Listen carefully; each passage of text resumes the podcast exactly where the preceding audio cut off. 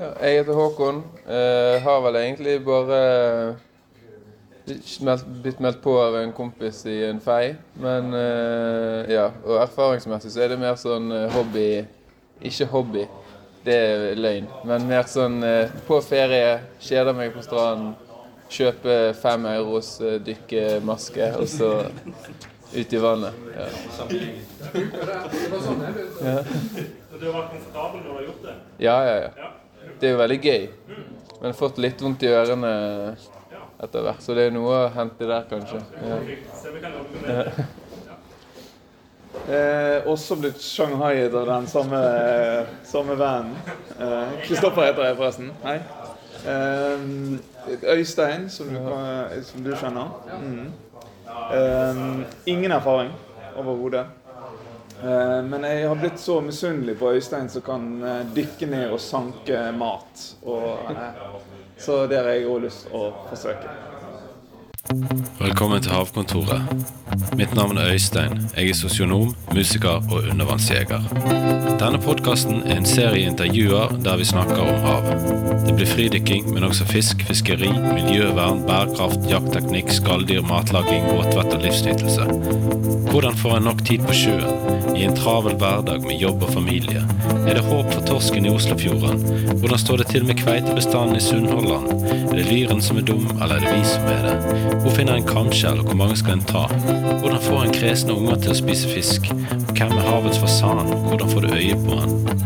Bare overflaten. Ja, nå er det en stund siden jeg tok fridykkerkurset. Det var i 1996. Min brors dykkerklubb Spiro fra Arna arrangerte det, så jeg ble med. Jeg visste ikke hva fridykking var. Jeg syntes det var litt merkelig at eh, en skulle holde pusten. Det er jo litt pussig egentlig at en kan bli så voldsomt glad i å ikke puste. Så eh, hva Ja, jeg husker vi hadde bassengtrening på Garnes ungdomsskole, og så var vi i sjøen en eller annen plass. Ehm, det var i februar, så vannet var veldig kaldt, og drakten passet ikke, så det rant inn. Og så hadde jeg skadet kneet mitt i et sånn uh, idiotstunt på skolen, og uh, så måtte jeg svømme med én finne. Så det var veldig tungt når jeg skulle gjøre buddy rescue på den store, kraftige kompisen til min bror, Stig. Yes, men eh, jeg lærte å duckdive, og at en ikke skal hyperventilere før en uh, dykker. Og så er det vel omtrent det jeg husker fra da, altså i sånn uh, bevisst kunnskap. Så det er litt fint for meg òg å få denne refreshen her. Eh, på slutten av sendingen så skal jeg lese opp en liste som jeg har fått fra Norges Dykkerforbund, der eh, du kan få høre om eh, hvor du kan gå på fridykkerkurs i din landsdel. Ok, Håkon. Du sendte melding til meg eh, for noen uker siden, og så foreslo du at jeg skulle lage en eh, podkastepisode om noen som gikk på kurs. Eller noen som aldri hadde dykket noe særlig før, i hvert fall. Ja. Ja. Og så tenkte jeg, eh, tenkte jeg at ja, da kan det jo like gjerne være Håkon da, som, som blir den personen. da. Du, Var det en sånn baktanke du hadde, da? Eller var det Jeg tenkte ikke spesifikt meg, kanskje. Jeg tenkte jo uh, i hvert fall noen som ikke hadde gjort det før. Men uh, det hadde jo vært ekstra gøy hvis uh, du hadde tatt meg med ut på et dykk. Ja, nå blir det jo det, da. Men nå blir det jo først kurs, da. Med Bent Ja. Terje. Ja. Kan du bare fortelle litt sånn kort om deg sjøl, og så Nei, jeg eh, er jo en kollega av deg da på Nattlandet. Jeg er 30 år, og så er jeg, eh, jeg er så vant til å si arkitektstudent, men jeg er ferdig, var ferdig utdannet i fjor, da. Eh, Så nå er jeg vel eh, driver med litt ekstrajobbing her og der, og søker, er jobbsøkende i tillegg. Så har jeg òg alltid syntes at dykking er spennende, men aldri drevet med det noe mer enn på ferie, egentlig. Men som dykkesertifikat, eller sånn både med og uten oksygen, er jo noe jeg har tenkt på, men aldri på en måte tatt steget til. da. Så syns jeg òg at havet er litt Jeg er veldig, jeg er veldig glad i verdensrommet, f.eks., men jeg syns òg havet er litt skummelt. hva, hva tenker du er spesielt skummelt med havet, da? Eh, Det er jo det dypeste dypet, da, så jeg ville jo aldri dykket der. Men eh, det er jo bare tanken på at noe er så dypt, og noe lever der samtidig. Men det er jo òg veldig fascinerende. Har du, har du hatt noen fine opplevelser med snorkling, da? Ja, ja, ja, absolutt. Vært i Syden og fått tak i fine sånne skjell med sånn perlemor på innsiden. og Eller jeg vet ikke om det, heter per, om det er det som er perlemor, men i hvert fall sånne fine skjell, eller sett noen gøye fisker, og noen litt ekle fisker. Ja. Har du snorklet i Norge òg, eller bare i Syden? Eh, ikke så veldig mye i Norge, faktisk. Jeg, eh, sånn helt ærlig, så er jeg litt sånn badepyse. Ja, ok. Eh, ja, så jeg, jeg har kun badet i Norge når det har vært skikkelig varmt. Når man ikke klarer seg uten. Aha. Men kan, og da er kanskje min terskel for å klare seg uten litt, litt ekstra høy. Ja, nei, men det, det er litt annerledes med våtdrakt, det er ikke så, det er ikke så kaldt, det. Med mindre om vinteren når du har vært lenge ute. Jeg har vært eh, Jeg har surfet i våtdrakt i oktober, og da var det, ble det ganske kaldt etter hvert. Men det startet jo ganske behagelig. Men var det fem eller syv millimeter drakt, vet du det? Det vet jeg ikke. Det er tolv år siden, så Men eh, hva forventninger har du til kurset, da? Nei, altså, jeg er jo eh, Jeg har jo eh, Jeg er jo spent på sånne, visse sånne teknikker, da, i forhold Mm. til eh, utjevning og trykk og sånn. For jeg har jo opplevd sjøl å få skikkelig, skikkelig dotter Mm. med å kanskje gå litt for fort eller ja, for langt nede. Mm. Uh, ja. Så også er jeg bare spent på liksom å lære mer om uh, do's and don'ts, egentlig. Ja. Jeg har jo uh, prøvd å unngå litt å lese meg noe opp, særlig på hva kurset går ut på. Mhm. Eh, ja, så jeg er bare veldig nysgjerrig på, på denne verden, eller denne delen av verden. Si. Vet du hva shallow water blackout er for noe? Eh, nei, Nei. hva er det? Nei, men uh, får vi ta og spør, snakke med deg etterpå du er på kurset, da. Så får vi se om Ja. du har lært, lært det. Ja. Ja. Nei, men jeg, eh, altså, jeg, mm. jeg kjenner jo til liksom, altså Jeg vet jo sånn uh, Farene med å gå for fort, uh, komme for fort opp igjen og sånn, men jeg vet jo ikke, det gjelder jo ikke like mye. Det gjelder jo ikke til fridykking. Nei. Nei, det er fla flaskedykking. Ja. Mm. Har din far fortsatt den båten av den eh, gamle Havstein? Gamle hav... Ja, ja, ja. Ja. Vi var faktisk ute med den uh, når det var grillforbud for uh, tre år siden, fire år siden, for å grille midt ute, ute i fjorden her. Å ja. Da, da badet vi midt ute på fjorden. Ja. Da var jo det en sånn veldig varm sommer. Sant? Ja. Kult. Ja, det, det- tenkte, jeg tenkte ikke på det engang. Jeg bare gikk rundt og bare var forbannet på at jeg ikke kunne få grille, og det var jo så fint Ja. vær. Så enkelt var det. Ja, jeg var oppe på fjellet og gikk tom for vann, og det var jo ingen bekk og skulle telte, og det var jo ingen bekker, og det ble nesten, nesten katastrofetur, men det gikk heldigvis fint. Ja. Det var i 2018 det der, kanskje? 2018, tror jeg. Ja, nå sporer vi litt av her.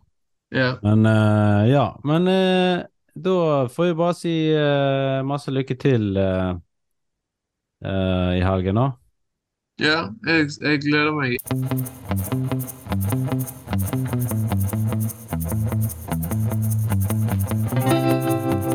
Eh, Bent Heie Myhre, Ja, er du en skummer?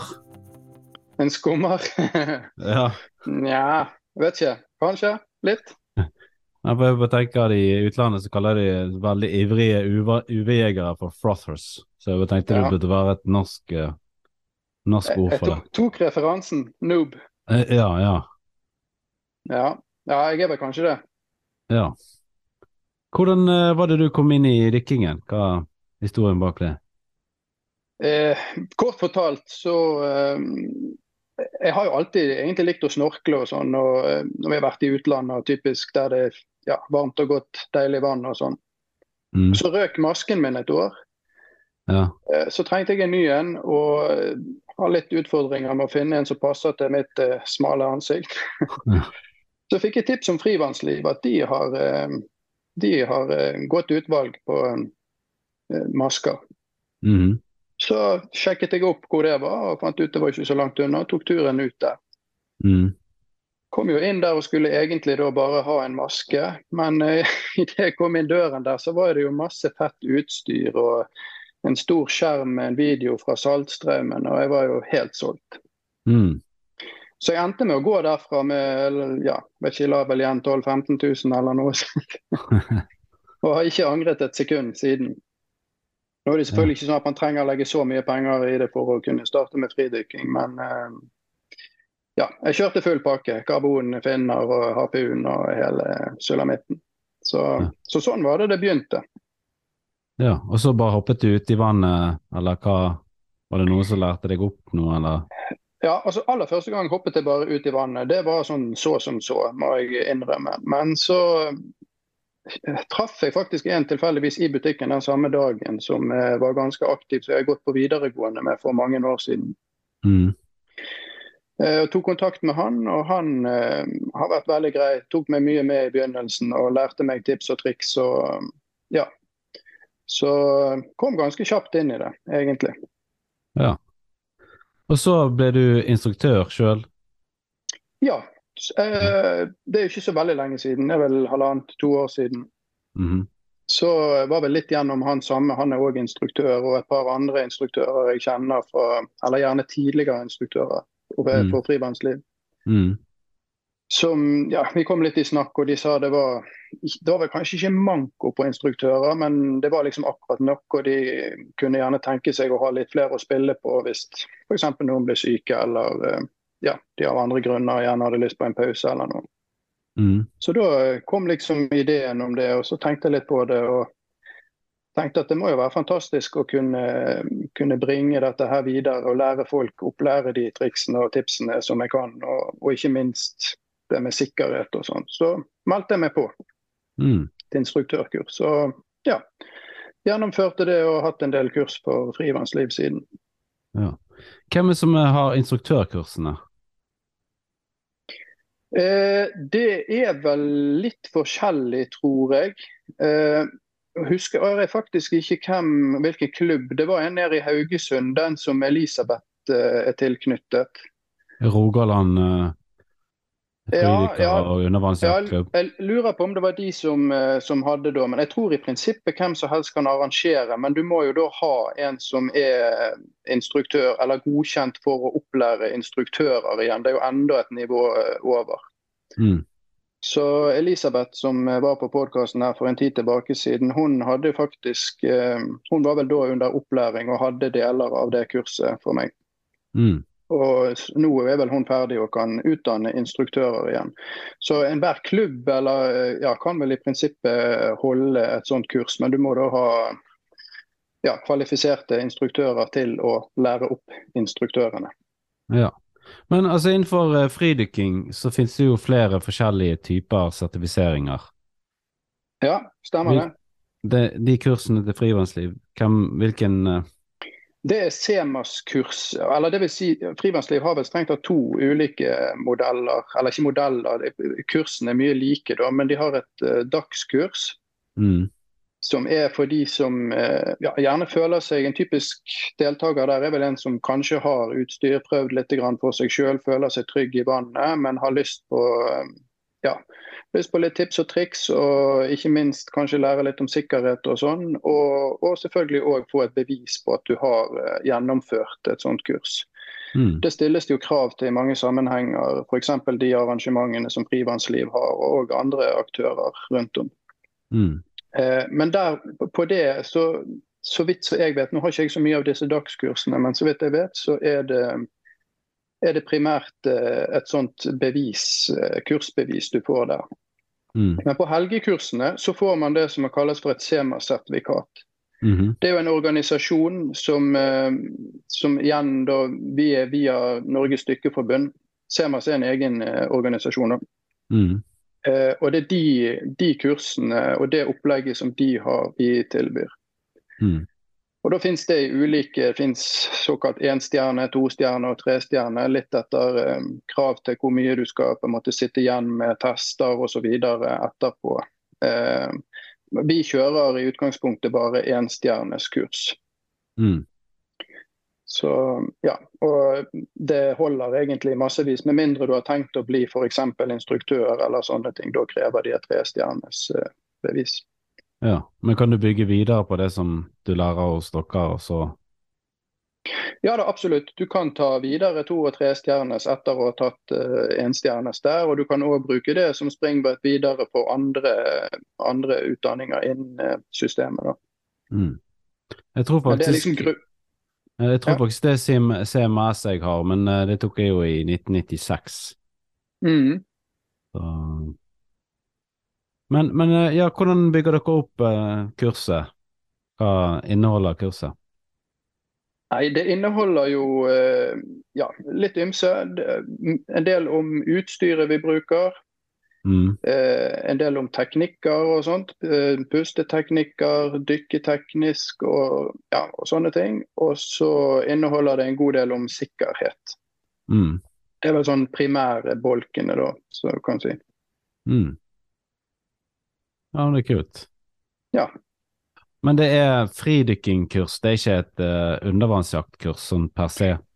Nei, det ikke, nei, det er det ikke. Eh, noen ganger jeg pleier å spørre litt. Ofte ja, tar jo alltid en runde i starten og finner ut hvem deltakerne er og hva tanker de har om kurset osv. På flere av kursene så er vi litt innom undervannsjakt, fordi det er en veldig stor del av de som starter med fridykking og driver med det, som ønsker å, ja, og, og lære om det og drive med det. Mm. Så vi er ofte litt innpå det, men det er ikke det primære. Da, og Noen ganger så er ikke vi innom det i det hele tatt. Det er ikke en del av pensumet i forhold til CEMAS. Nei. Så, så det, det er et rent fridykkerkurs, ja. Og, og den type rekreasjonsfridykking, ikke apnea. Da. Der er det egne kurs. Mm. Ja.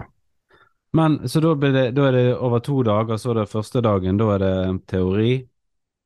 Ja, teoridelen er, er rimelig lik på de to, enten det er et dagskurs eller et helgekurs. Eh, Det som skiller i hovedsak, det er at eh, når vi har helgekurs, så har vi to økter i vannet. Mm. Enten så har vi dag én i basseng. Eh, Det var det mye før, var vel egentlig bare. I det siste så har vi begynt å kjøre litt at vi har begge økter i sjøen. Mm. Eh, Med ganske stor suksess, egentlig. Eh, Men det første dagen er jo da veldig rolig og myk start. Bli kjent med få på seg utstyr. Sant? Hvordan er det å ha en maske og svømmeføtter og drakt og alt dette greiene her. Det dogger og det lekker og svømmeføttene faller av osv. Og, og bli liksom fortrolig med det. Få det til å passe og kjenne på hvordan det er å ha et blybelte rundt uh, livet osv. Mm. Og så når man på en måte har fått uh, alle kjørt inn, og det, alt passer og sånn som det skal, og de føler seg fortrolig med det, så kjører vi gjerne litt øvelser og sånn første dag. Og så dag to, da er det mer sånn øvelsesbasert. da. Og tanken med de kursene som vi tenker å ha fremover nå, bl.a. det som vi skal ha nå om ikke lenge, det er gjerne å få de såpass trygge på dag én i sjøen at vi kan Mm. dra til en litt kulere lokasjon på dag to, som gjerne er mer liv og litt mer spennende å se på. Mm. Så det gleder jeg meg til. Hvor pleier dere å reise da? Har du tenkt hvor dere skal eh, nå i helgen, eller? Eh, nei, ja, eller ja. Jeg har tenkt ut en del plasser. Eh, det som er litt utfordrende akkurat nå, det er at eh, vi timer Altså det er veldig dårlig sikt en del steder Ja, ja. akkurat nå. Ja.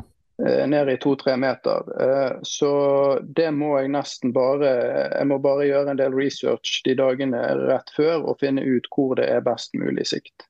ja. Så, så det blir på en måte fokus eh, denne helgen her, da, i hvert fall på dag to. Dag én er ikke det så farlig, men eh, ja, når litt av tanken er at de skal få en kul opplevelse på dag to, så må vi prøve å finne et sted der det er god sikt. Ja. Ellers er det jo gjerne steder der det kanskje er litt strøm. Vi dykker ikke nødvendigvis i strømmen, men i nærheten der det er mer liv, friskere, finere vann osv. Mm. Kult. Jeg skal ut på torsdag før helgen, så jeg kan gi deg rapport eh, der som jeg har vært. Så, så. Det må du gjøre. Ja, jeg har, eh, har vært ute en del i det siste og har òg forhørt meg mye med det som kan virke som er at du må eh, helt ut mot åpne havet nå. Der virker det å være best sikt. Inn i fjordene er det ganske eh, suppe akkurat for øyeblikket. Men vi håper på det bedrer seg. Mm. Hva, hva var det som gjorde at det ble sånn suppe nå igjen? Det er algeoppblomstring som kommer nå på våren. Når sollyset kommer, så eh, ja, da eksploderer det. Og um, ja, ak akkurat den typen som vi har nå, den pleier ikke å vare veldig lenge. Så jeg har jo et håp om at det kanskje har gitt seg til da. Men eh, ja, vi får se, rett og slett. Men det, det er en form for algeoppblomstring som kommer hver vår på denne tiden. Ja. ja, for det kan jo potensielt være litt sånn turnoff for folk som skal begynne med, med sporten. Absolutt. Det, det, er, det, er, klart at det er noe annet når du, når du har dårlig sikt. Det, det, er det absolutt. Så får håpe at vi klarer å finne et sted som, som er litt bedre. Og det, gjør vi på alle kurs. Nå er det veldig spesielt akkurat denne gangen her. Det er, det, er, ikke mange uker i løpet av året du har denne skikkelig heftige som, som vi har nå. da. Mm. Så, men vi jobber alltid for å få best mulig opplevelse på akkurat det. Finne steder som er, som er gode. Ja. Er det, er det, bare du som er instruktør, eller er det dere flere som er med ute? Den, de Nei da, vi, vi, er, vi, er, flere. Vi pleier stort sett alltid å være to. Enten to som er utdannet instruktør, eller eventuelt en som har instruktørutdanning, og så er det en hjelpeinstruktør med. Ja. Men stort sett alltid Hvis det er veldig få uh, deltakere, så hender det vi bare kjører med én. Det går stort sett uh, veldig fint. Uh, ja. Men er det litt flere deltakere, så vil vi være to. Ja. Nei, Det blir spennende å se hvordan det går med de som skal gå på kurset. da. Nå er det faktisk kanskje tre kamerater av meg som skal være med i helgen. Såpass? Ja, men det er kult. Ja.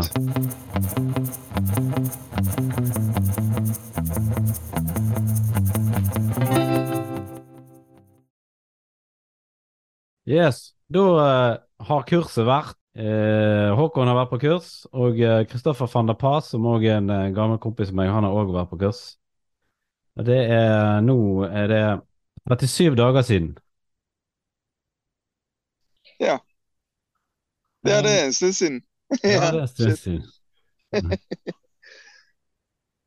ja, jeg må bare si at sånn, i, i hvert fall de første 14 dagene etter kurset, så mhm. eh, hadde jeg opplevelsen av å bare Hver eneste natt så drømte jeg at jeg var under vann. Ja. Og jeg, eh, jeg, lå i vannseng, på en måte.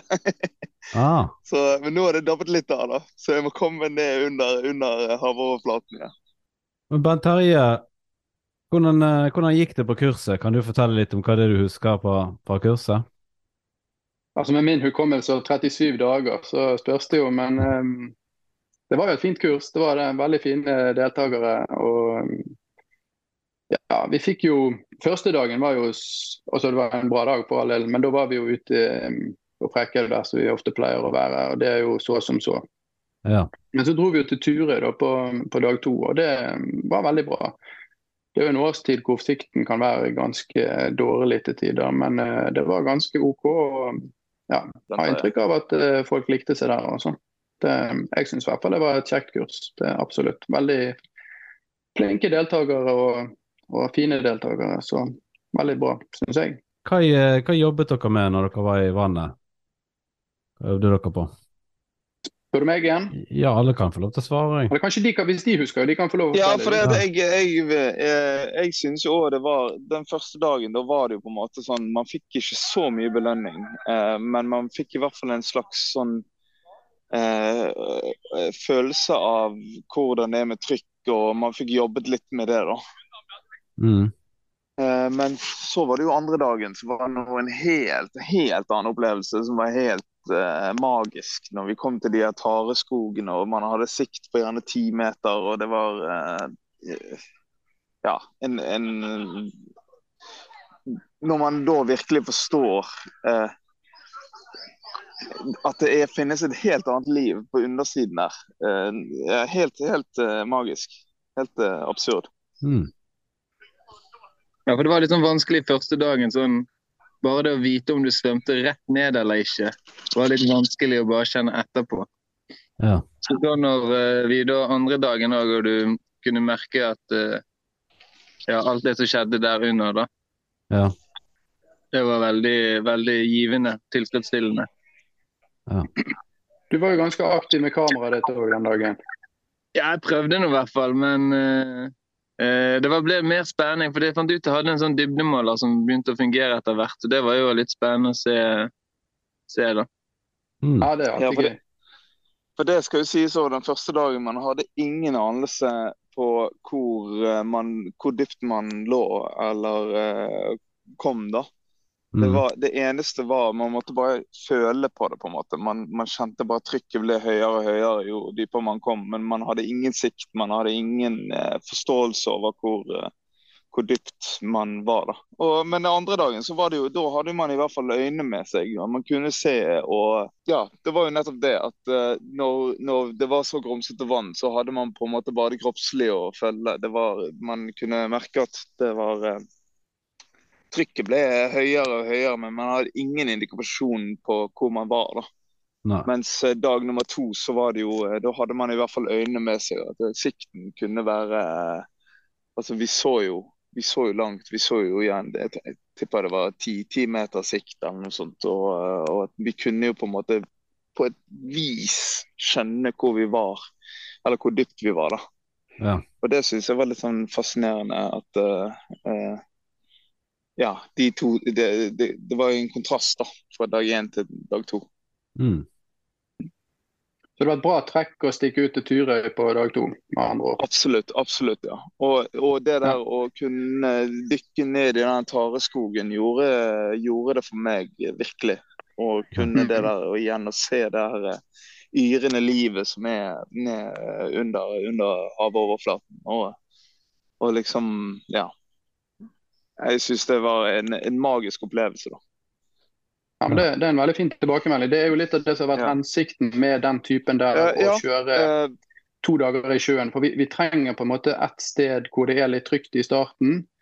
Men det også å dra ut og få disse opplevelsene, som du sier. For det er, jo, det er jo de vi vet er der, men som kanskje ikke er så lett for de som på en måte bare er på et sånt sted som vi var første dagen. Og, og kanskje folk da ikke ja, får helt smaken på det på samme måte. Så det er veldig kult at, eh, at det var suksess. da. Men eh, Kristoffer, stemte det at du fikk litt problemer med utligningen? Ja, det, jeg, det slet jeg med. Eh, spesielt på det ene øret. Og, men jeg, har, jeg er ganske fast bestemt på at det her er noe jeg har lyst til å lære meg. Og at jeg tror det her er bare Jeg må bare lære meg teknikken. Ja. Eh, for å eh, Men det her er jo noe når jeg tenker tilbake, og når jeg var på dette kurset, og så tenkte jeg tilbake på alle flyturer jeg har hatt, og at jeg alltid har på en måte hatt litt problemer med dette her, da. Ja. Um, at det har vært mye dotter i ørene, og mye de har hengt ved ja, i, lang, i mange timer etter flyturer og sånn. Uh, men uh, jeg har jo hatt akkurat det samme problemet, sa jo han på kurset. At han har slitt med utligning, men at han har klart det. Og det er noe jeg har veldig lyst til å gjøre, jeg òg. Fordi at det, det er en Jeg merket eh, den Altså at det, var en, det har vært en ekstrem dragning mot, eh, eh, mot havet da, etter dette kurset her. Så jeg har lyst til å, jeg har lyst å pushe meg sjøl. Jeg har lyst til å lære meg dette her og kunne dykke, dykke dypere. Og, ja, og det der, i hvert fall det der å komme under, under dette punktet der jeg ikke bare trekkes opp igjen til overflaten. For der var jeg på Jeg var det på ett tidspunkt eh, på kurset. Da Mm. havnet jeg på en nøytral, eh, nøytral grunn, på en måte. Mm. Der jeg ikke ble dratt oppover, og jeg, jeg lå Jeg var vektløs. Mm. Og eh, der vil jeg være igjen. Mm. Ja. Kult. Ja, det, det får du til. Altså, det er ytterst ytterst få som ikke klarer å altså, Som på en måte bare ikke kan utligne. Det, det, men som du sier, jeg hadde jo problemer med det. Og, og jeg prøvde og prøvde og prøvde, og jeg klarte det rett og slett ikke. Med den, altså den, det som vi kaller for Vasalva, den standardmetoden. Så, vi, så jeg måtte rett og slett bare sitte på YouTube, og jeg sto foran speilet og styrte. Og til slutt så klarte jeg å knekke denne koden med pensel, og da løsnet det med en gang. Så, så, så det er nok bare litt trening som skal til der. Altså, så, så jeg er ganske sikker på det løsnet. Og du var jo òg nede noen ganger så dypere enn det som hadde gått hvis ikke du hadde fått til noe som helst utligning. Mm. Så, så det er absolutt håp. Det, det er det. Jeg har lurt litt på det der med Altså med Frenzel. Det finnes jo forskjellige sånne ressurser på hva, hva, er, hva er det som er best. Har du peiling på det, Bent Terje? Ja, Hva som er best, det er ikke godt å si. Det som er litt sånn clouet med den friendsel, det er at du bruker muskler og sånn som ikke du veldig vanskelig å sette ord på. så Du kan si liksom biceps, alle har et forhold til den. Men når du begynner å snakke om det, også stemmebånd og strupehode og disse tingene her, så er det litt sånn vanskelig å få kontakt med dem, da, på en måte. Mm. Eh, Og Det finnes masse ulike videoer på YouTube, eh, mer eller mindre gode. En del av de eldre er kanskje litt sånn misvisende i forhold til det som faktisk skjer òg. Før så tenkte man at det er hovedsakelig tungen som brukes til å lage det trykket, men det er egentlig mest strupehodet egentlig som brukes til å på en måte løfte opp og skape et, så- et trykk inni der. Mm. Men, eh, men han Adam Stern, er det det han heter? Adam Freediver har noen veldig gode, og der er en del andre òg som, eh, som stort sett går ut på å på en måte knytte disse bevegelsene til ting vi vanligvis gjør. Alt fra lyder vi lager til hosting osv. Som, som på en måte Og så lærer man seg å få tak på en og en eh, hva skal man si da, muskel eller del og i, ja, munnhull og sånn. Eh, og så setter man på en måte det sammen, og så, og så plutselig så bare får man litt taket på det. Og når du først kjenner litt at du får, ser at du har litt taket på det, så går det ganske raskt derifra. Mm. Så, men, men det er litt sånn, noen sverger til en, Noen har sett en video som sier ah, dette løste det for meg. Han klar, forklarte det på en god måte. Mens andre igjen de eh, må ha noen andre til å forklare det. Så det, det er mm, ja, eh, ikke noe sånn jeg, vet ikke, jeg har ikke noe fasit på akkurat hvor, hva som er de beste, den beste fremgangsmåten. Da, men gjerne se litt ulike videoer på, på nett og, og søke på how to eller et eller annet sånt. Så det der eh, Frenzel maneuver. Mm. Så, så tror jeg, og så går det an å snakke med noen av oss òg som, eh, som på en måte har, kan det. Men det er, ikke, det er ikke alltid like lett å sette ord på. altså du bare gjør en, Når du bare først har fått taket på det, så gjør du en greie som ikke alltid er like godt å, å forklare. da. Jeg føler at jeg er inne på noe med det her. Lager en sånn lyd der ja. altså Veldig mange som har dykket en stund, de, altså, de går automatisk over til det uten at de helt uh, er klar over det sjøl. Men en veldig enkel måte. Hvis du, utli hvis du kan holde hånden din på magen og kjenne liksom, på magemusklene på mellomgulvet, hvis du klarer å utligne uten at det strammer seg der og helt avslappet i mellomgulvet, så gjør du Frenzel. Ja, ja. Og, og man, jeg har opplevd at mange tror, altså de sier de vil lære seg det, og så viser det seg at de gjør faktisk det. da. Så, Skal det ikke bevege seg på, i mellomgulvet hvis du tar Fransel? Nei, du skal, du skal være, kunne være helt dønn avslappet der. For det er ikke, det er ikke mellomgulvet. Altså, tenk deg du skal blåse opp en ballong, f.eks. Da, da presser man luftballongene opp med å stramme i, altså i mellomgulvet. Så, men det, skal du ikke, det gjør du ikke når du gjør friendset. Ja, jeg skal eksperimentere litt mer med den ja.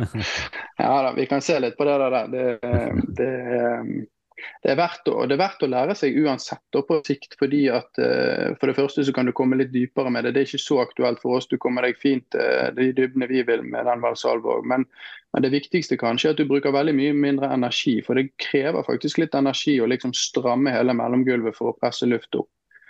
Eh, og de, Når du begynner å jakte liksom disse 10% her og 10% der for å få litt bedre bunntid, så, så er det definitivt verdt å lære seg friendzone.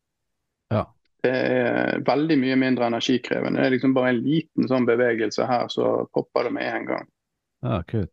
Men da kan vi i hvert fall linke opp den der, eh, se om vi finner det Adam Stern, om han har en video på det. Jeg tror de har mye sånne der eh, kurs som du må betale for, men jeg kan iallfall sjekke om jeg Ja, men han har noen eldre videoer, tror jeg, og der er helt sikkert andre òg. Og så har han òg en kul video hvor han er inne i en MR-maskin, tror jeg det, og gjør Frances. så du kan på en måte se litt hva som skjer. Og For noen er det en litt sånn aha-opplevelse, og de skjønner ok, hva, hva er det som eh, faktisk foregår inni der.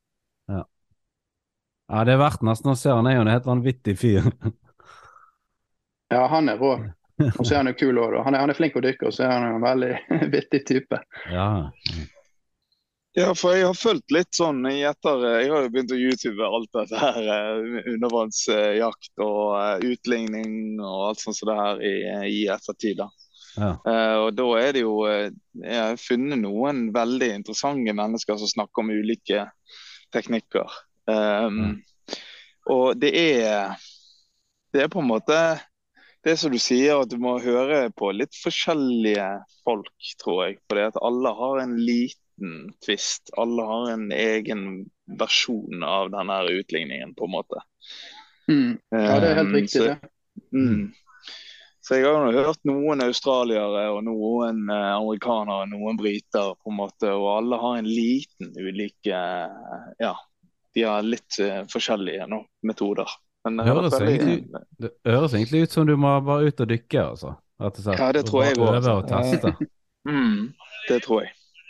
Mm, Men eh. Håkon, du, eh, du hadde roen på utligningen helt fra the get-go. Ja, jeg har slitt med, slitt med ørene siden jeg var liten, så jeg har måttet uh, utligne. Men jeg har ikke noe sånn tett uh, eller noe, så for Nei. meg så gikk det. Ja. Så da var det mer dette med å, å på en måte å duckdive og strekke seg ut og svømme, og huske å utligne samtidig. Ja. Og det som var bare det å få litt uh, kontroll på det som eh, trengte mest, eh, mest tid. Mm. For det var gjerne sånn hvis noe ikke gikk helt, så kanskje man kanskje overtenkte litt ting og eh, Eller undertenkte litt, eller ja. Ja. Så ble det litt sånn kløn, klønete, klønete dykk. ja. Eh, men noe, det var selvfølgelig noen ganger der eh, jeg kanskje ikke begynte å utligne tidlig nok. For det, var, det, gikk ikke, det tok litt tid før det gikk opp for meg hvor tidlig man faktisk må, må begynne utligningen. Eh, Mm. Ja, det, det, er det er den klassiske. Ja. Det er jo umiddelbart. Det er jo egentlig svaret på det.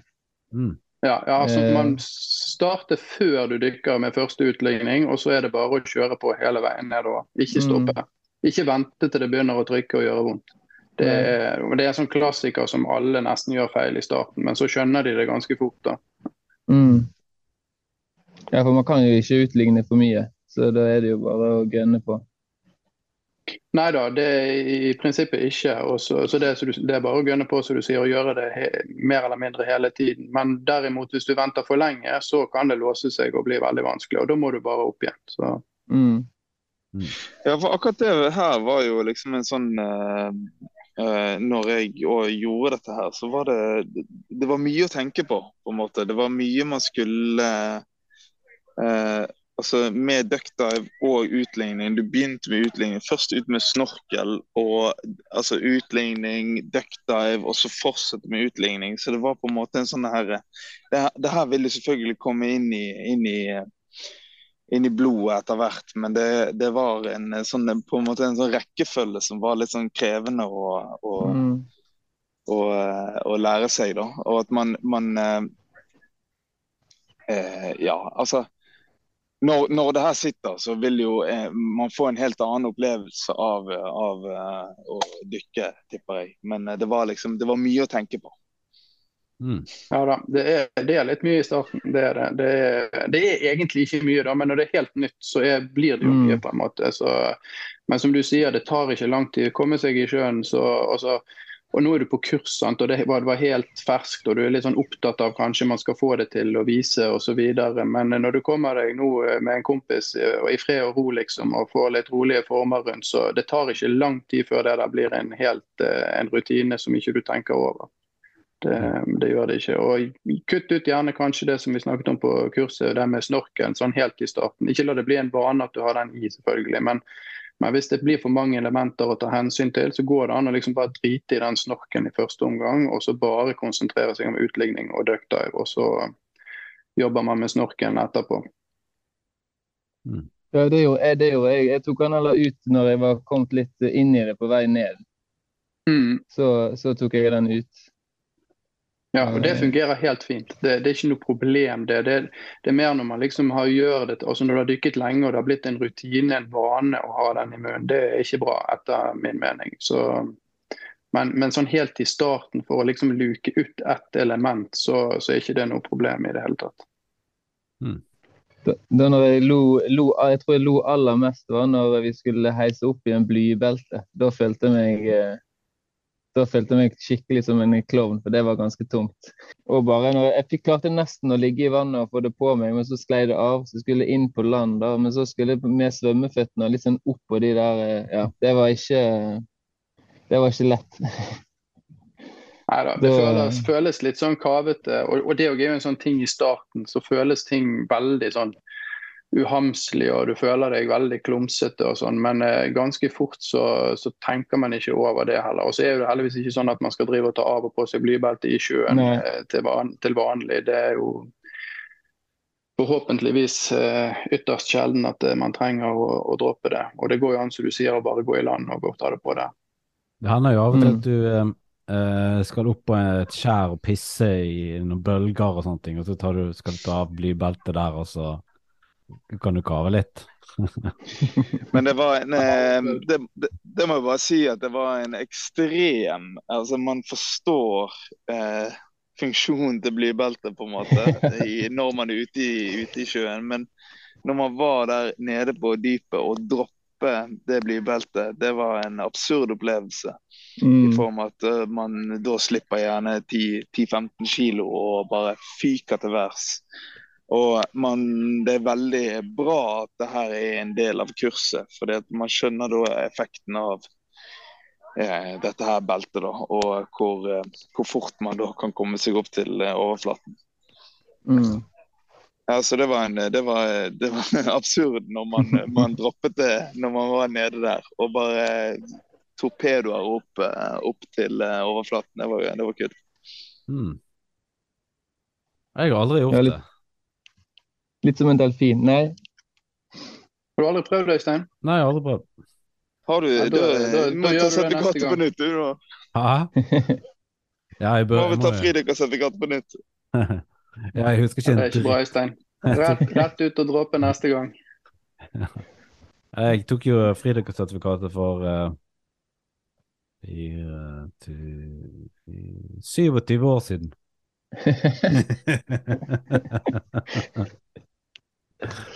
Da var jeg tre. ja, jeg var bare 16, jeg var ikke så gammel jeg da. da.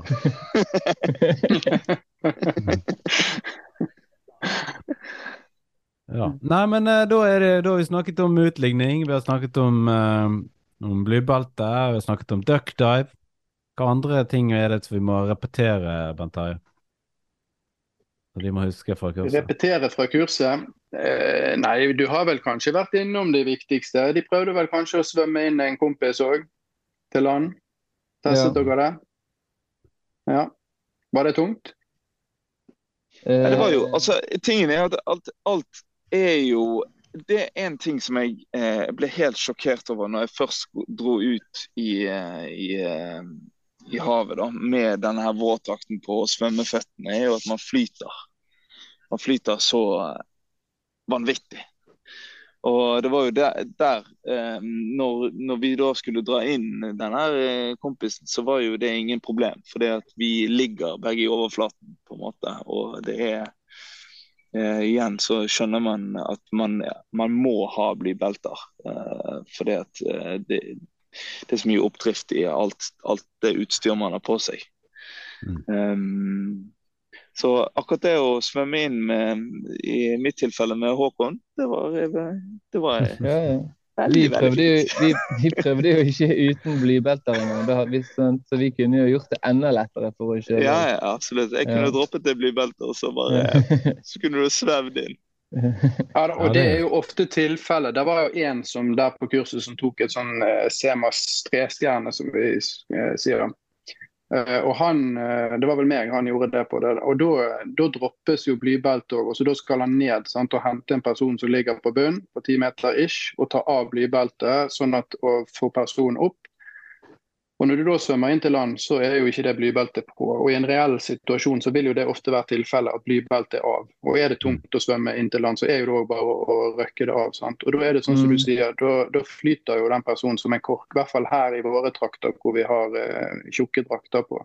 Mm. Så trikset som jeg sa til han da, er jo på en måte å ikke prøve, prøve å ikke løfte personen og holde den opp. Også den flyter. Så det er liksom bare å ta et lett tak og, så, og bruke energien på å svømme inn. Ikke prøve å holde personen. Selvfølgelig ansiktet skal være over vann og sånn, men, men det er det jo altså Du flyter som en kork, som, som du sier, Kristoffer, uten det blybelte på.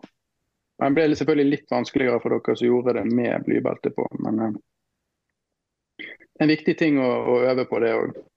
Mm. Og hva gjorde dere Absolutt, når dere kom i land, da? Ja, det, nå spør du godt her. 37 dager siden. Husker du noe som husker? Det var to innpust. Det skulle man jo gjøre hvis du, eventuelt i vannet òg, hvis man fikk det til. Mm. Var ikke det Men før, før dere Klass. begynte på det, da. Ja, det var jo da å snakke, snakke og klapse til og bare prøve å få kontakt, da. Mm. Ja, stemmer det. Eh, og så um, ja. Blåse litt, eh, kanskje. Ja, blåse blåse i fjeset. Mm.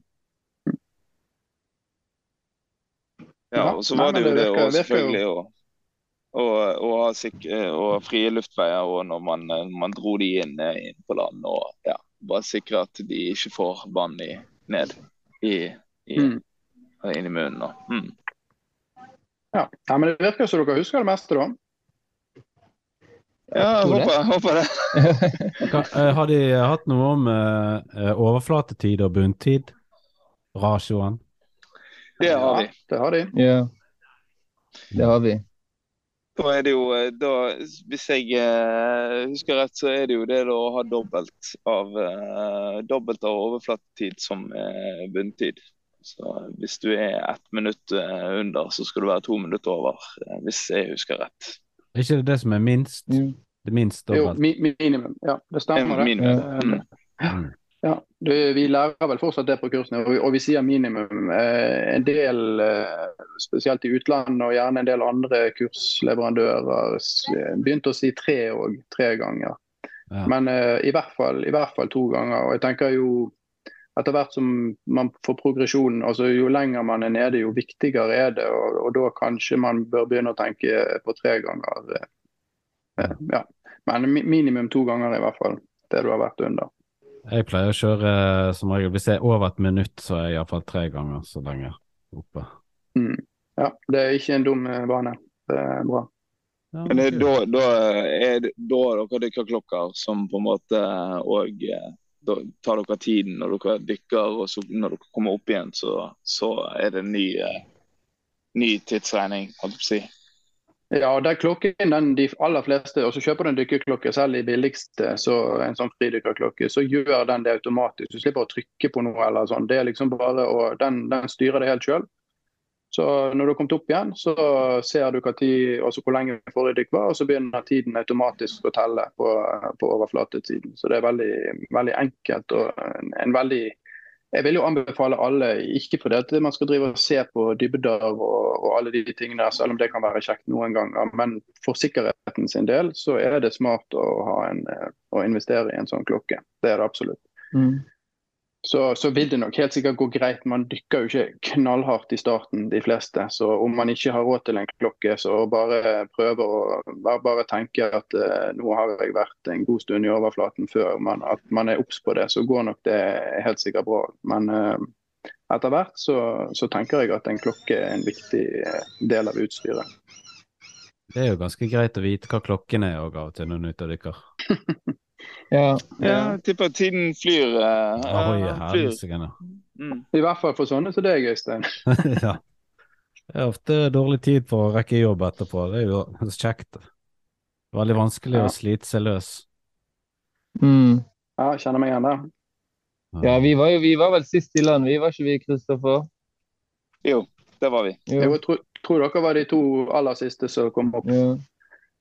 Så det var jo, Vi prøvde jo å dra det ut, eh, dra det ut så langt vi kunne der. eh, ja.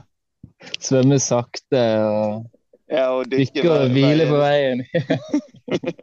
Ja, det det er jo et godt tegn, det. Det, det er aldri Ja, kjedelig nå. Det, det er verre for oss som instruktører. Det er mye kjipere når alle vil opp før vi egentlig tenker at vi er ferdig. Men at, at folk ikke vil ut av vannet, det er jo et godt tegn. Ja. Ja. Det er veldig bra, Bent Terje. Du har jo klart å liksom, få ditt og De virker jo veldig giret nå. Det er jo veldig kjekt. Ja. Ja, ja men det, det er jo veldig kjekt. Det er jo det som er målet. sant? Det er jo, vi ønsker jo selvfølgelig du får et sertifikat, men eh, brenner jo også veldig for at folk skal få en god opplevelse når de er der. Og, og sånn at de fortsetter. I hvert fall de som på en måte For noen så er det kanskje ikke dette noe, men, eh, men, eh, men at de i hvert fall får se hva det går i og på en skikkelig måte. Og at de som på en måte får interesse for det, da at de eh, driver videre med det. Det er jo målet. Hva er planen videre nå, Kristoffer og Håkon? Hva, hva er målene deres nå? Nei, mitt, mitt mål er da Nå skal jeg gå til anskaffelse av utstyr. Ja. Um, og mitt mål har jo vært eh, det at jeg skal lære meg å bli ut, utligna. Ja. Eh, Jeg har lyst til å dykke dypere. Um, og langsiktig mål er jo at jeg har lyst å da eh, gjerne begynne med litt jakt. Ja. For det virker veldig, veldig interessant. Men først så må jeg da ta og klare denne første utfordringen, da. Mm. Og, og utligne. Mm. Ja. Det tror jeg er eh, lurt å få unna det. Ja, ellers så Altså, jeg, jeg, jeg det er fascinerende å ligge i overflaten og, og bare se ned, men det, er, det var noe helt eget med det her å, å eh, nå det her nullpunktet. At man ble vektløs og, og ikke måtte jobbe mot den oppdriften. Eh, og det har jeg lyst til å utforske mer, da. Mm.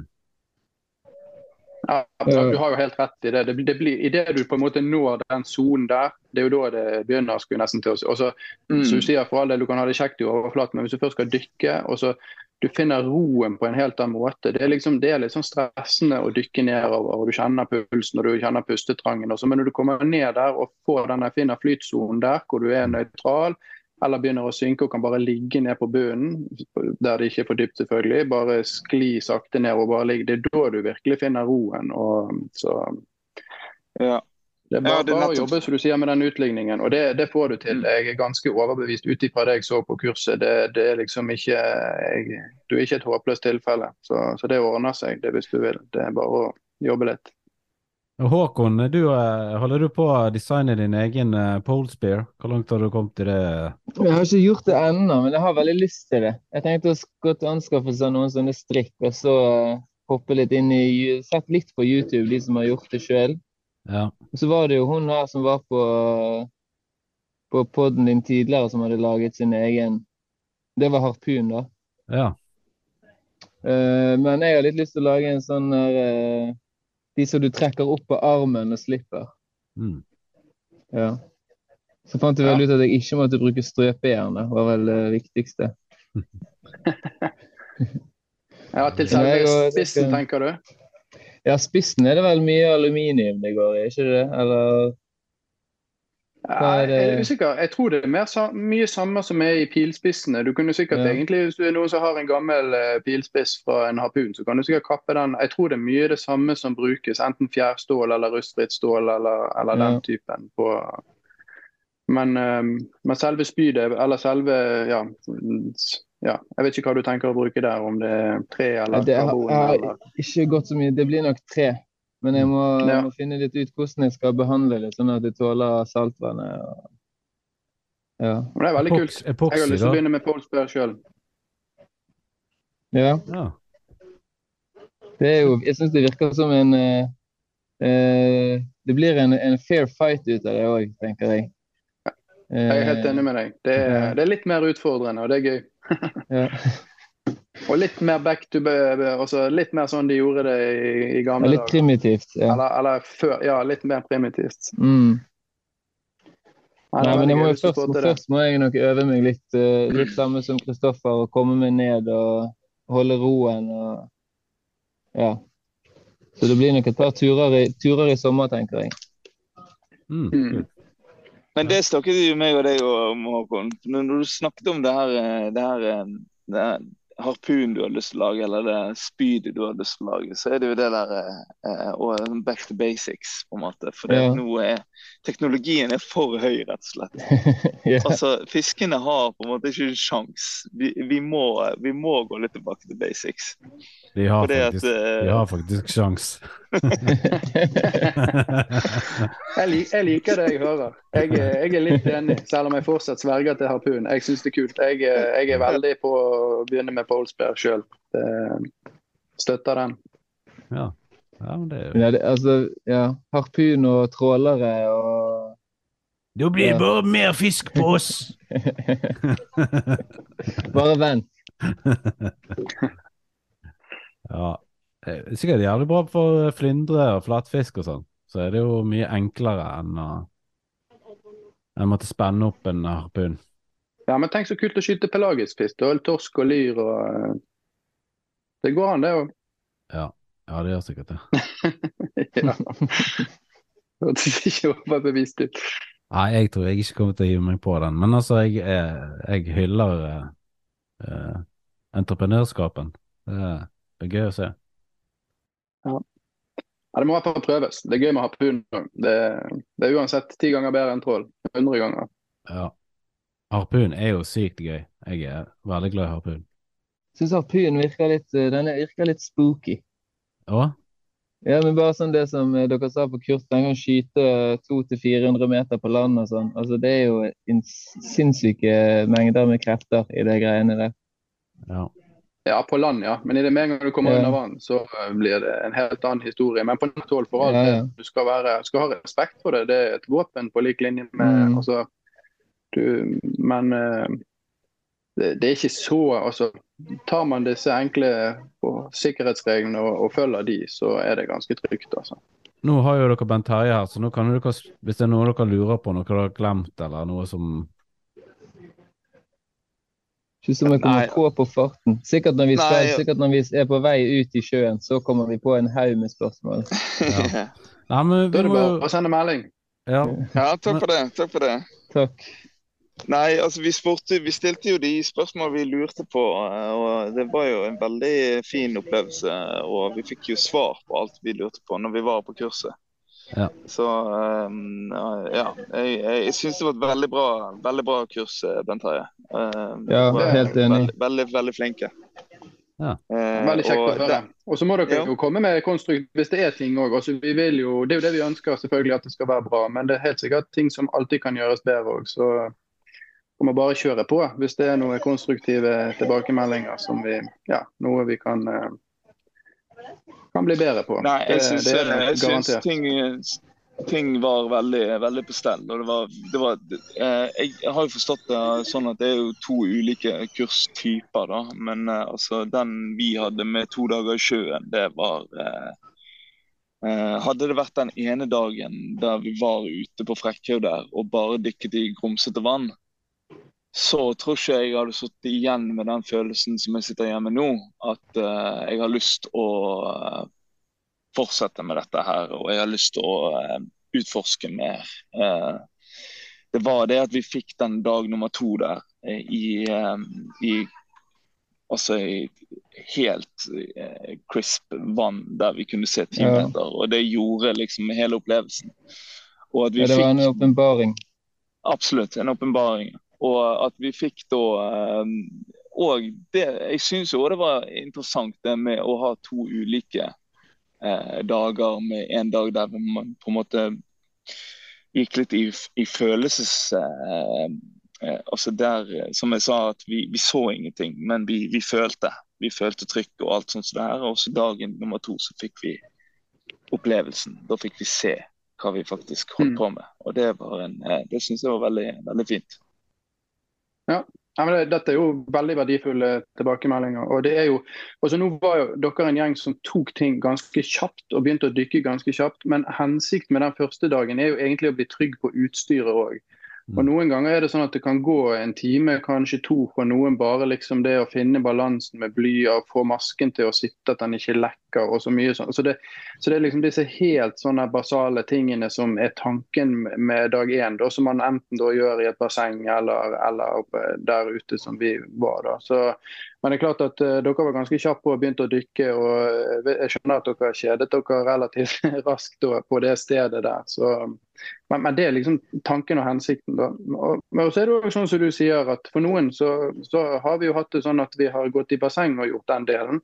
Og så er vi gjerne der ute på dag to, på, på det stedet der. Så, så det, det er godt å høre at, at det er ja, kan man si suksess da, å gjøre det på den måten med å dra dag to et sted som, ja, som er litt kjekkere og gir litt mer opplevelser. Mm. Så det kommer vi nok til å fortsette med. Og det som, er så, det som er så fett, da, er jo at dere har jo egentlig ikke sett ordentlig hvordan, hvor utrolig bra det kan være noe Nei. Men det er jo det som er vilt. Ja, Og ja Ja, for det, det, det altså, har du faktisk rett i, Øystein. Mm. Altså, selv Dere, dere syns jo det var en fantastisk opplevelse, og det er jo kjempekjekt å høre. Jeg kan si at uh, du kan gange det i hvert fall med to og kanskje fem på de beste opplevelsene. Sånn at, uh, altså, Så, så dere har eh, masse, masse gøy i vente. Det er det ingen tvil om. Ja, når du er på sånne dager der det er sånn 20-25 meter sikt, og du får liksom se hele økosystemet liksom uh, utspille seg foran øynene dine. Mm.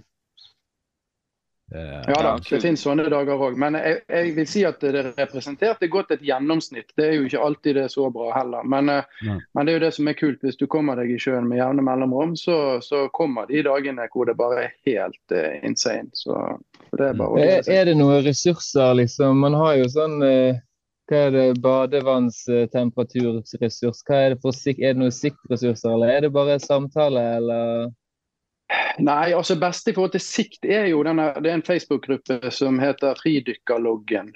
Og det er fangst- og siktmeldinger.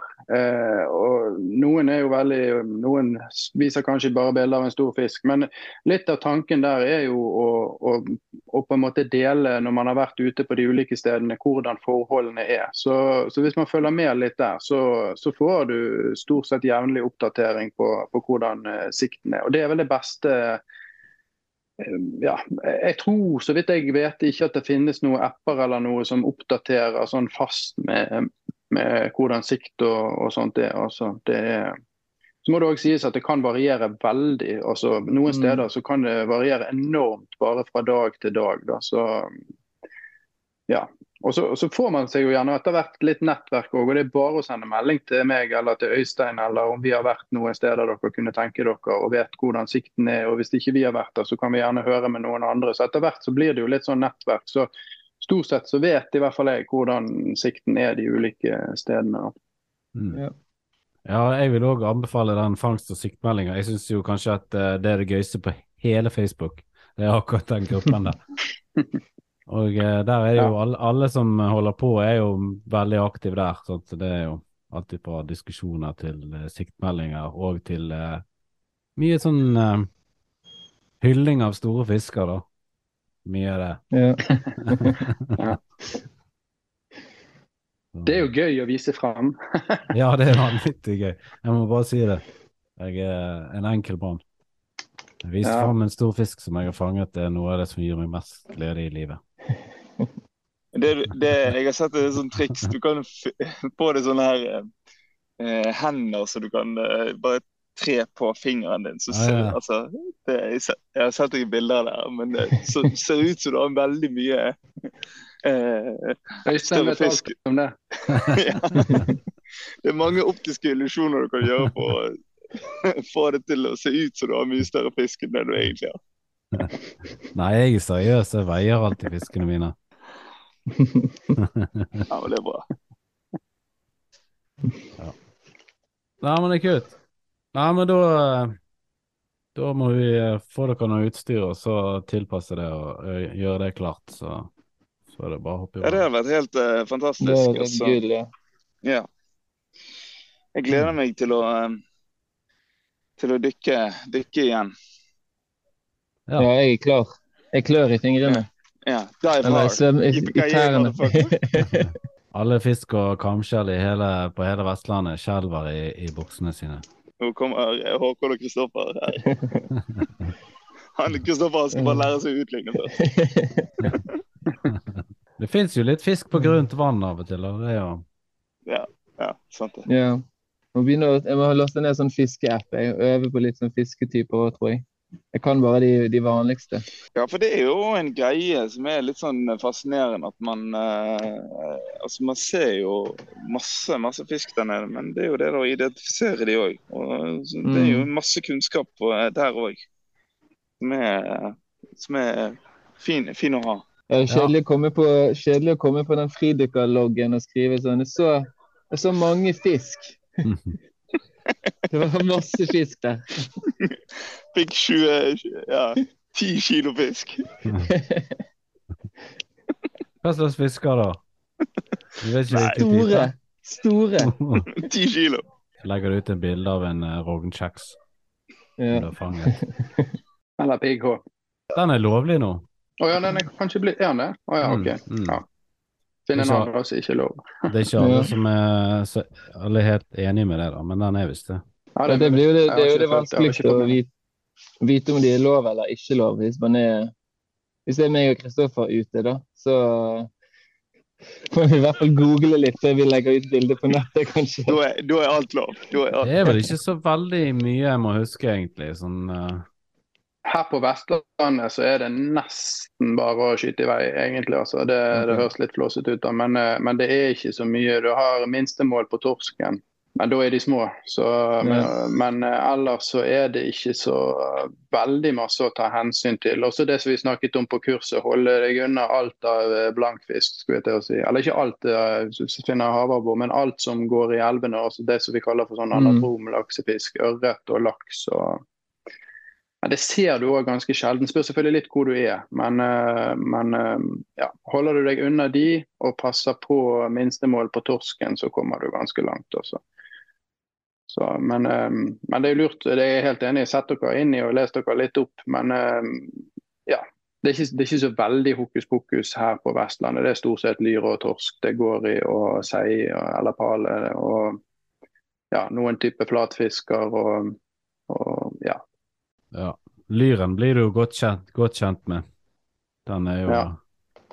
en meget jeg, eh, jeg har faktisk funnet ut, tenkt på det nå, at lyren er, den er både byttedyr og toppredator. Så det er derfor den er så ekstremt eh, suksessfull nå. Det er min teori. Ja, kanskje det. Men uh, Det er artig fisk å jakte på, i hvert fall. Og undervurdert matfisk, mener jeg. Eh, både under- og overvurdert, syns jeg. ja, det kan du godt si. Det ja, jeg skjønner, ser poenget ditt.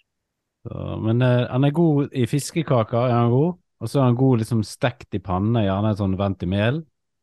Og så er han god i, fiskesupper, og så blir det veldig god kraft ut av han. Og så er han veldig barnevennlig.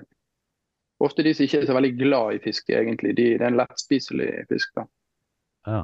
Ja. Men det, det synes jeg var ganske fascinerende, for du sa det da når, når vi var inne på temaet undervannsjakt på kurset, så sa du det der at uh, når man kommer ned og driver med ventejakt, Mm. så Mhm. er det ofte at lyren kommer først som den på en måte den nysgjerrige fisken.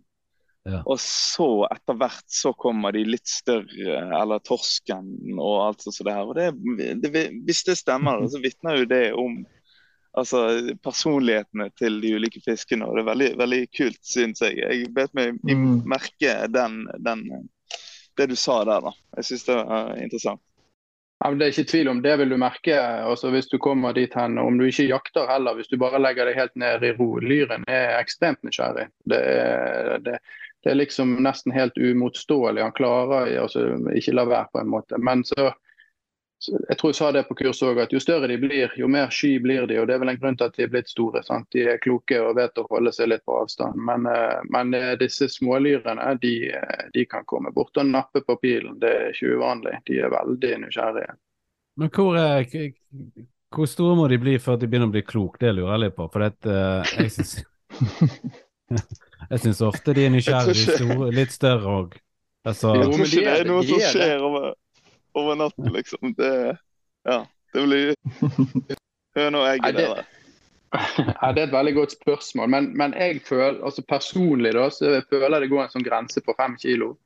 Når de kommer over det, da er de eh, da er de veldig forsiktige. Da holder de seg Du ser dem, men de holder seg liksom i bakgrunnen. Og det er sjelden de kommer liksom eh, så nevnt at de er på skuddhold. Men, eh, men de er der, de. Og, det- og det skjer jo fra tid til annen. Men eh, men de er jo er sjeldnere òg. De er jo sjeldnere ja. de store lyrene. Ja, de er jo det, men, men jeg tror Jeg har jo min teori om at det er ganske mye store lyr òg, men at det handler om akkurat det der at de, eh, de holder seg mer på, på avstand, og at vi derfor ikke ser dem. Men eh, det, det, det tas noen store lyr jevnt og trutt, og man ser dem jevnt og trutt. Så, men, men de er mye mer altså de, ikke, de minste kommer jo i løpet av sekunder, mens de store bruker eh, atskillig lengre tid. De er mer skeptiske og liksom vil avvente litt. og så kommer de sakte, men sikkert sigende. Tar gjerne noen runder eller frem og tilbake litt før de tør å nærme seg. Så. Mm. Men de er der, de òg. Ja, jeg så jo veldig mange forrige lørdag, da, så det tror jeg er de fleste jeg har sett på en, gang. Altså store lyr, fem kilo pluss. Så Ja, det er kult. Det er utrolig gøy å se når du ser det sånn ti stykker på en gang. Ja, det er helt rått. Det er digg. Jeg, eh, men eh, det lager mye god mat ut av Lyr nå for tiden, og det, det må en jo liksom gjøre. Ja, man må nesten spise det. Det er, det er liksom et must, for min del i alle fall. Ja, for det er liksom regelen. Altså, hvis du på en måte skal skyte og drepe en fisk, så må du spise den. Så, For det er jeg helt enig i. ja. Absolutt. Ja, jeg, jeg tenker jo, jeg skal jo innrømme at Ja, noen ja, ja. ganger så føles det omvendt. At jeg jakter for det er det gøy å jakte, og så kommer maten i andre rekke. Men eh, jeg har jo en sånn eh, altså, hva skal jeg si da, Den dagen jeg ikke er interessert i å spise det mer, da har jeg sagt til meg sjøl at da, slutter jeg. liksom. Det er, det er jo primært Vi er der jo primært for å sanke mat, tenker jeg. Og så Ja. er det selvfølgelig en gøy, en gøy måte å sanke mat på. Mm. Mm. Det er en god holdning å ha. for det, Og det var, synes jeg var veldig fint at dere tok opp på, på kurset. At, eh, og Der presiserte du det, da, at det her er, det skal være en, det er for å, det for å sanke mat. Du skal spise denne maten. Du skal, det er ikke bare for eh, Vi er ikke troféjegere, da. Mm. Ja, og det, det Eh, tenker jeg er viktig. Og samtidig så er det, er det lov å liksom være stolt. Altså, det er jo gøy. Mm. Primær, så lenge man har den holdningen, tenker jeg at eh, man er der primært for å sanke mat, og man spiser det man tar, så er det selvfølgelig også lov å kose seg og, og kjenne på adrenalinet når man får eh, drømmefisken og vise den frem til venner og på Facebook osv. Man, man må ikke begynne liksom å, tenker jeg da der at, eh, at det skal være en uting heller, så lenge grunnholdningen er på plass. Absolutt. Mm. Nei, vi er vel alle vokst opp med å slitte å bla i fotoalbum og se eldre slektninger som holder opp store fisker. Ja, ja, ja. Så, Ja, men jeg tror det er noe sånn urgreier som er i oss. det. også. når de jaktet før i tiden for å, for å overleve, det gjør jo ikke vi på en måte. Men, eh, men det er jo klart at eh, når, hvis de da plutselig får en kjempestor fisk, stor, flott, så, så er jo det jubel. Sant? Her er det masse mat. og Det, det sitter vel litt i ennå. Det, jeg vet ikke hvor det, hva det ligger, men eh, jeg kjenner i hvert fall hver gang det er en litt større fisk, så, så kicker adrenalinet inn. Det er jo et eller annet fascinerende og kjekt med det. mm. Ja, det er jo derfor mammuten er utryddet. Det er jo fordi de er så store. Mye skrytepotensial. Ja, men da før i tiden, når det var mammuter, da hvis de hadde tatt en svær mammut, så eh, sprang de jo hjem og, Ja, ja. Og, og malte bilder av den mammuten i hulen. Ja. Og Ja, ja. liksom eh, bilde av eh, onkel Urbuk eh, når han på en måte stakk spydet i hodet på han, og historien ble fortalt igjen og igjen. Mm. Ja.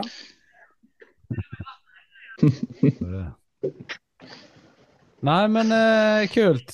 Da tror jeg jeg avslutter, og så, eh, så sier vi lykke til til dere eh, med videre dykking. Mange takk. Og, eh, takk, Takk. til alle på, som stilte opp. Eh, Bent Terje og Håkon og Kristoffer. Bare, bare gøy. Yes. Veldig hyggelig. Og av. veldig Dive, kjekt å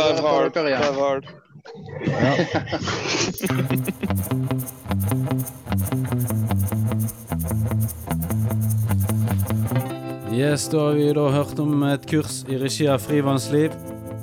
Men eh, fridykker.com Kongsberg og Arne Gravningen har òg eh, kurs. Arctic Freediver i Harstad, Tromsø. Ålesund dykkesenter og Øygarden fridykkersenter med Ruben Kleppe og kompani. Kvote null i Agder. Og så er det forskjellige dykkerklubber her. Agder, der er det Arendal undervannsklubb, Farsund undervannsklubb, Kristiansand dykkerklubb, Lillesand snorkle- og dykkerklubb, Møre og Romsdal, Herøy dykkerklubb, Kristiansund dykkerklubb, Nordland, Bø dykkerklubb, Hadsel undervannsklubb, Narvik sportsdykkerklubb, Brønnøysund dykkerklubb, Oslo, Oslo fridykkerklubb og Spearows Oslofjord, Rogaland, Karmøy sportsdykkerklubb, Sandnes og Jæren dykkerklubb, Sletter dykkerklubb, Rogalands undervannsjakt og fridykkerklubb, Troms og Finnmark, Alta dykkerklubb, Harstad sportsdykkerklubb, Husøy idrettslag, Tromsø-studentenes idrettslag, Vadsø dykkerklubb. Trøndelag, Steinkjer sportsdykkere, Straumen dykkerklubb, Verdal sportsdykkerklubb, NTNU dykkerklubber, Trondheim fridykkerklubb. Vestfold og Telemark, Grenland dykkerklubb, Larvik dykkerklubb, Sandefjord dykkerklubb. Vestland, Bømlo sportsdykkere, Njord dykkerklubb Sveio, Stord undervannsklubb. Viken, Eidsvoll dykkerklubb, Indre Oslofjord undervannsklubb, Moss undervannsklubb, Drammen sportsdykkere, Kongsberg dykkerklubb, Røyken Sportdykkerklubb. Der var det. Eh, takk for denne sendingen her. Da sier jeg takk for meg. Husk å sjekke ut eh, Instagrammen og Facebooken til Havkontoret. Og sjekk ut den nye profilen min på Instagram, Spearfishing Bergen. Der skal jeg legge ut litt inn innhold framover. Og det blir liksom rettet litt mot et eh, mer internasjonalt uh, publikum. All right, vi snakkes. I dag kan du kalle meg John McLean, for eh, jeg skal dive hard. Har du tenkt på den lenge? Eller- Ja? Jeg tenkte på det siden eh, han, han, eh, instruktøren sa sånn eh, Ja, når jeg dykker hardt Dive så- hard. Ja, ja, når jeg dykker hardt, så jeg merker jeg kan bli litt kald. Og da tenkte jeg på dive hard Dive hard. I New York. Der er ikke det god sikt. Nei. Oi, hva skjer her? Oi. Hva foregår?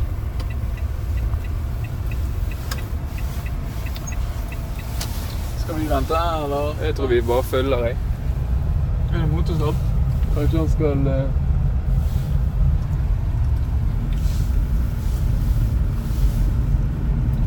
Det er jo et veldig spenstig sted å synge av, da. Ja. altså spøyst.